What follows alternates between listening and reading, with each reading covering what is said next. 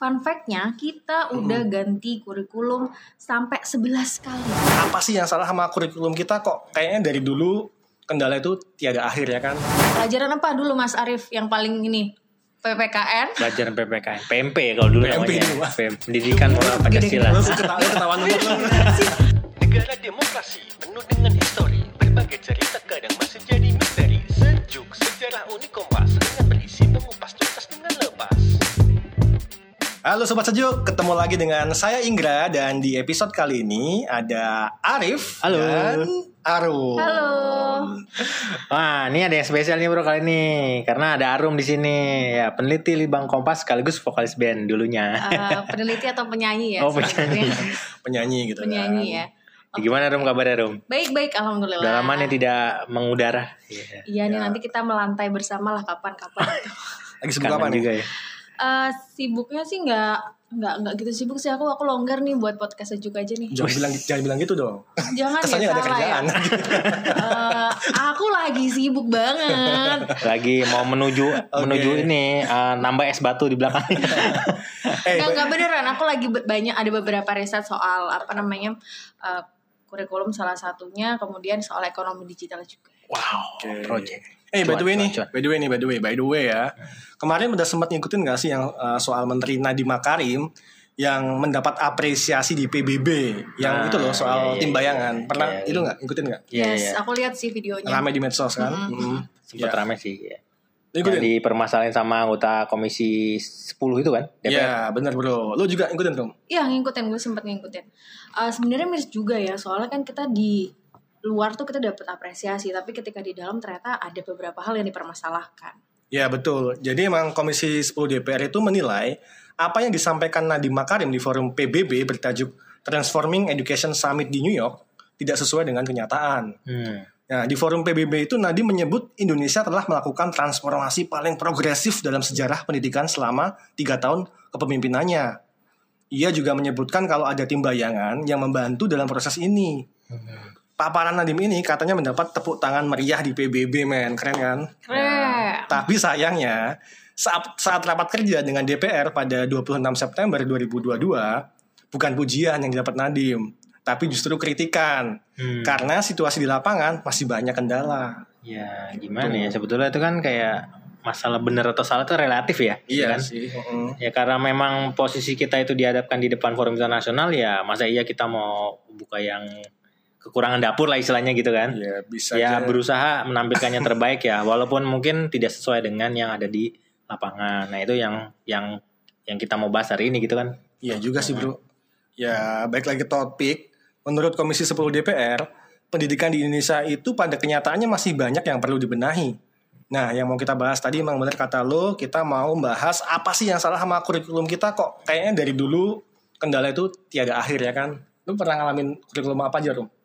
Eh, seingat gue dulu sejujurnya lupa sih saking banyaknya. Tapi dulu zaman kita Hmm. masih muda ya. Masih muda. Masih Gua masih muda, muda. sih. Sempat dalam lima tahun terakhir kita tuh berubah tiga kali loh. Itu itu pun masih eh, di rentang waktu kita sekolah ya. Tapi ternyata kita banyak sekali. Nanti aku eh, coba jelasin bareng-bareng. Tapi sebelumnya kita harus paham dulu nih, Mas, apa itu kurikulum? Eh, sebentar lu angkatan berapa sih?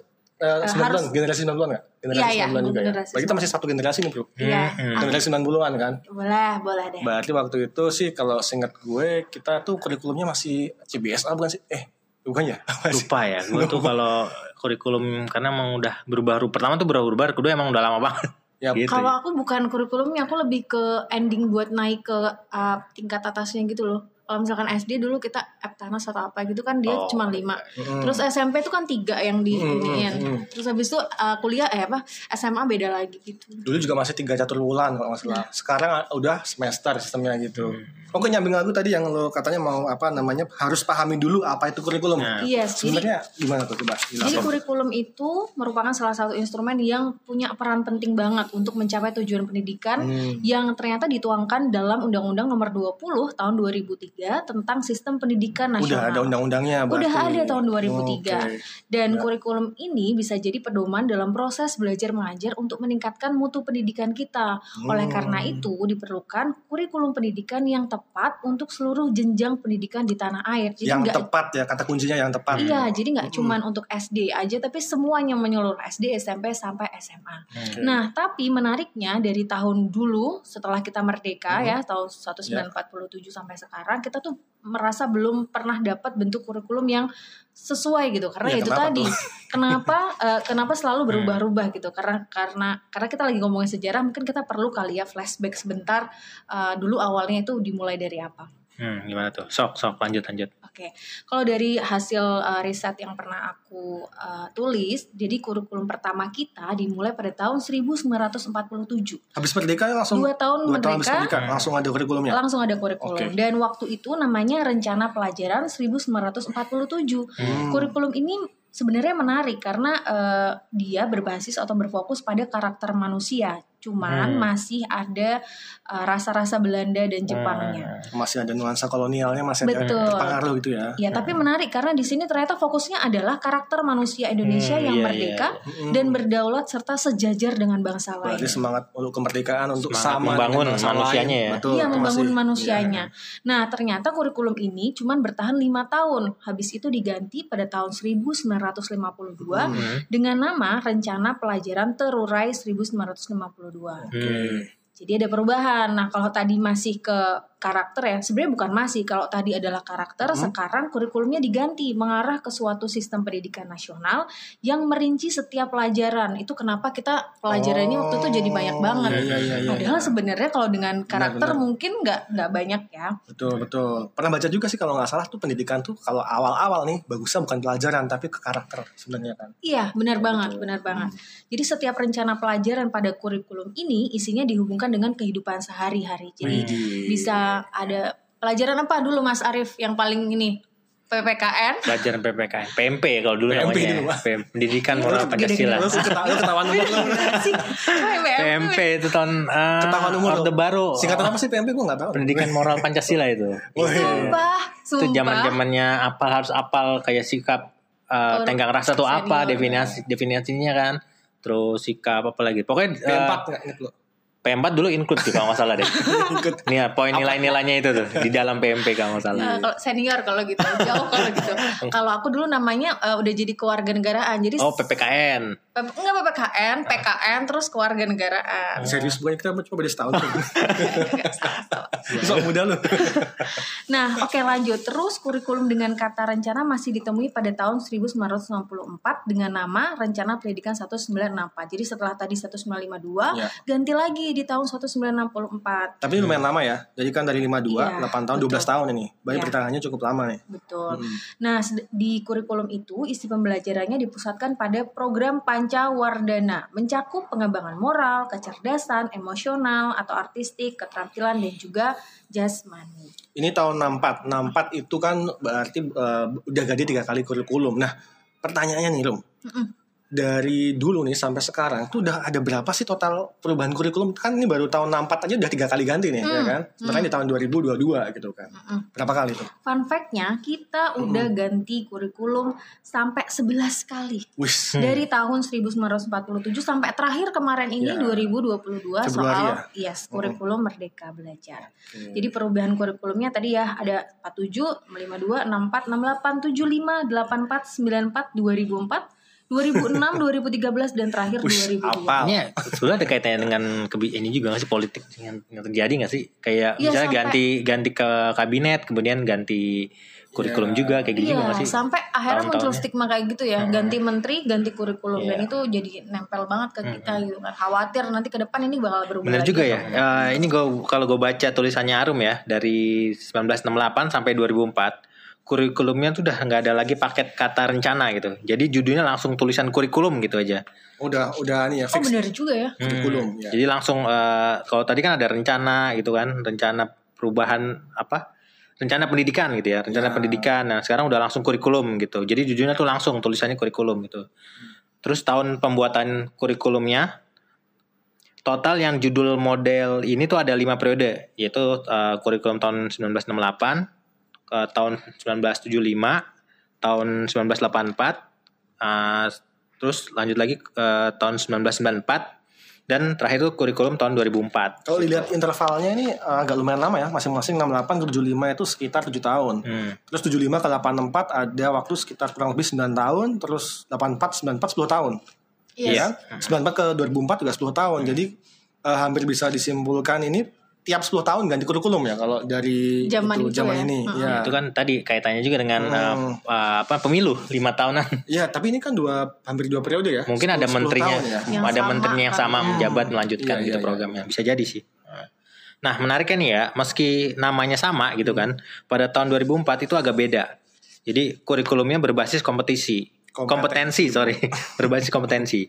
Jadi kurikulum ini targetnya siswa memiliki kompetensi dan eh, berorientasi pada hasil belajar dan keberagaman. Nah, metode belajar tidak hanya, nah, metode belajar ini tidak hanya eh, dari guru, tapi juga dari sumber-sumber yang lain. Oh, gitu. yang student center learning itu Iya, ya? jadi eh, di sini tuh kayaknya mulai diberikan eh, kayak sistem Soft belajar skill, mandiri. bukan sih soft skill nggak melulu cuma lu pelajaran doang gitu. Iya, jadi eh, apa namanya? Mungkin eh, kaitannya juga dengan eh, masuknya teknologi ya di penggunaan teknologi ya tahun 2004 Bisa itu kan. jadi Jadi sih, mulai. eh, walaupun waktu- ketika itu tahun 2004 eh, Google mungkin belum semasif sekarang ya, tapi waktu itu saya ingat sih waktu tahun 2004 tuh zaman-zaman SMA kita eh, belajar itu lebih ayo eh, kalian eh, cari referensi lain di perpustakaan dari buku-buku lain gitu. Jadi eh, tidak terfokus dari yang eh, buku ajar yang di sekolah gitu kan. Ya, ini sosial media juga masih Friendster. kalau nggak salah. Friends Friendster masih zaman-zaman ya mungkin ya ada kaitan dengan itu juga kan. Sekarang udah nggak- pada nggak tahu kali zaman sekarang Friendster itu apa. Nah, kurikulum tahun 2004 ini hanya bertahan 2 tahun, Bro. Karena pada tahun 2006 muncul kurikulum baru namanya kurikulum tingkat satuan pendidikan atau disingkat tuh KTSP. Yes, gue Tuh. Tahun 2006, ciri khas kurikulum ini guru diberikan kebebasan untuk merencanakan pembelajaran sesuai dengan lingkungan, kondisi siswa dan kondisi sekolah berada gitu. Jadi eh, disesuaikan dengan lah dengan kondisi karena memang kan eh, pendidikan di Indonesia itu kan tidak bisa disamaratakan ya di, antara di kota dan daerah itu kan berbeda gitu kan kondisinya gitu. Mulai Dari- otonomi ya, ini otonomi daerah waktu itu ada kaitannya dengan itu juga kali ya. Ya betul. Nah, Hmm. jadi eh, di sini di, eh, di kurikulum yang KTSP ini eh, apa peran guru memang eh, tetap tapi disesuaikan juga dengan kondisi di lapangan Ya. kayak gitu. Dan kurikulum 2006 ini bertahan 7 tahun, jadi lumayan Hmm. cukup lama dibandingkan tadi 2004 cuma 2 tahun aja yang kayaknya bentuknya nggak nggak apa ya belum belum cukup stabil lah ya. Itu ini bertahan 7 tahun dan pada tahun 2013 kurikulumnya menjadi kurikulum 2013 atau Kurtilas. Kurtilas. Nah, Kurtilas. Ini juga lumayan lama 7 tahun juga ya intervalnya.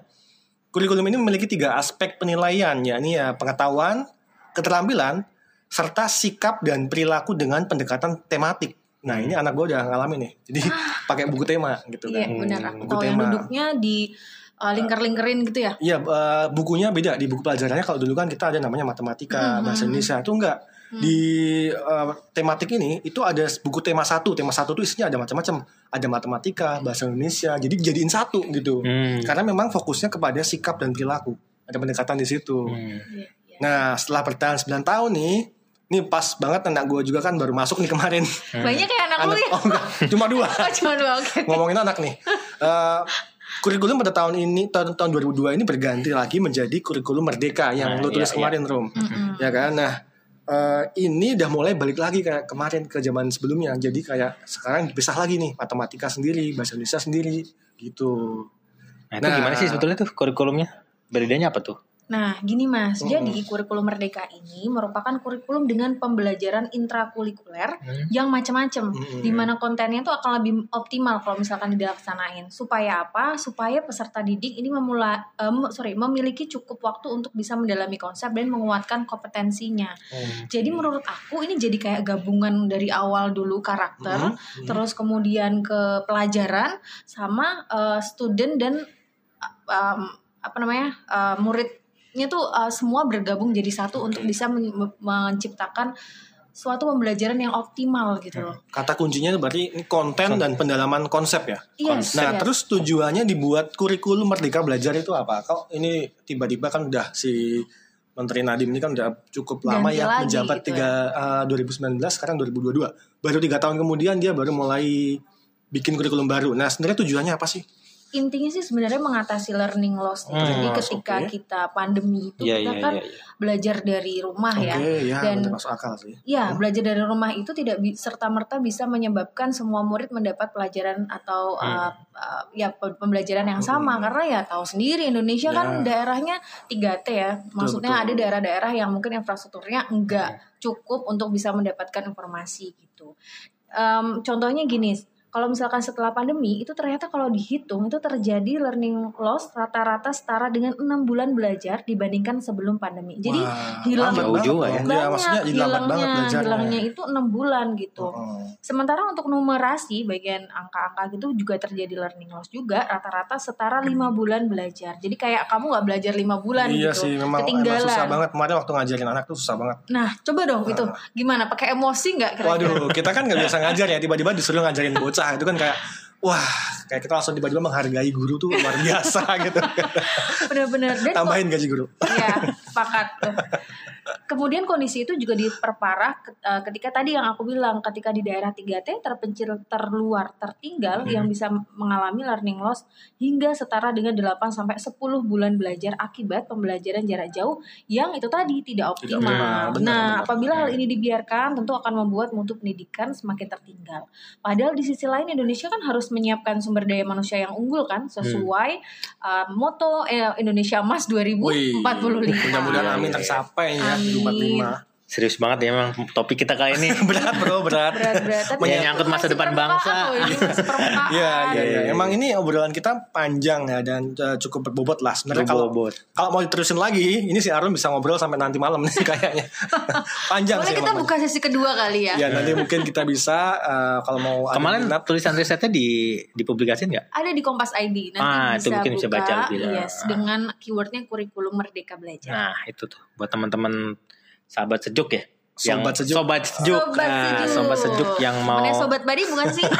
ada juga ya. mirip-mirip. Sobat Badi. Mungkin ada pendengarnya juga. ya. Kalau mau baca detailnya langsung aja dicek di kompes.id ya. Oke, Yes. bro, sekalian lu closing bro, biar untuk episode kali ini uh, kita cukupkan sekian. Silakan bro. Oke, sobat sejuk untuk lebih lengkapnya soal kurikulum yang tadi saya bilang kalian bisa akses langsung di kompas.id ya, .id ya. Kompas.id. Nah, nah, kalau mau cari arsip yang lama gitu ya, kalian bisa ke bagian data.kompas.id. Sampai ketemu di episode seru lainnya karena Sampai jumpa. Yang dulu pasti Pasti seru. seru. Hashtag.